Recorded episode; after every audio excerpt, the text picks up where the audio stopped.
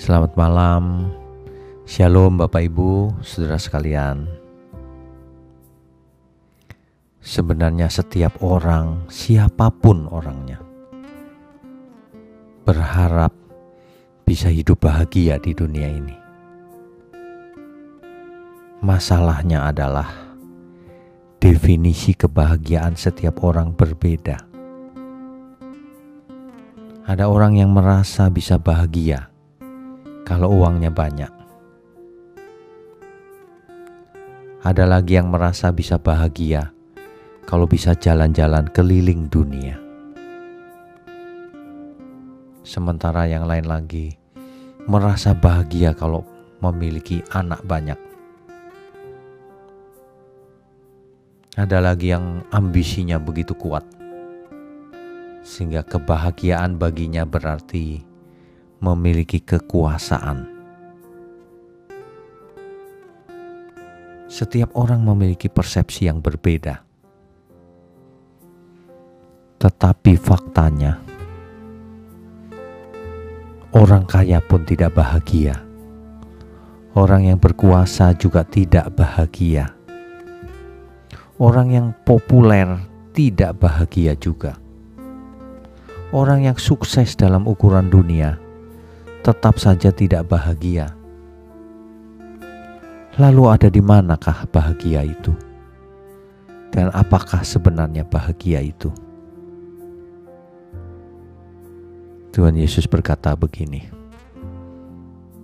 Marilah kepadaku semua yang letih lesu berbeban berat.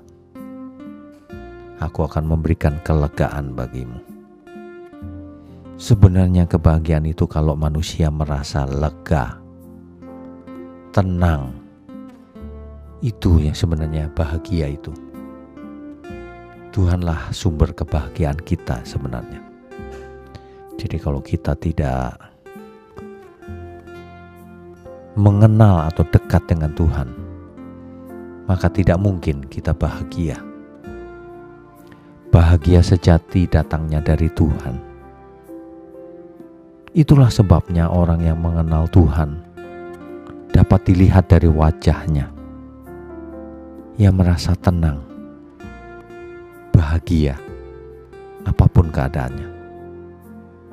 Sebab seseorang yang mengerti, menghayati bahwa Tuhan beserta kita, maka kita akan bahagia tidak khawatir dengan apa pun, tidak takut dengan apa pun, sebab Tuhan beserta kita.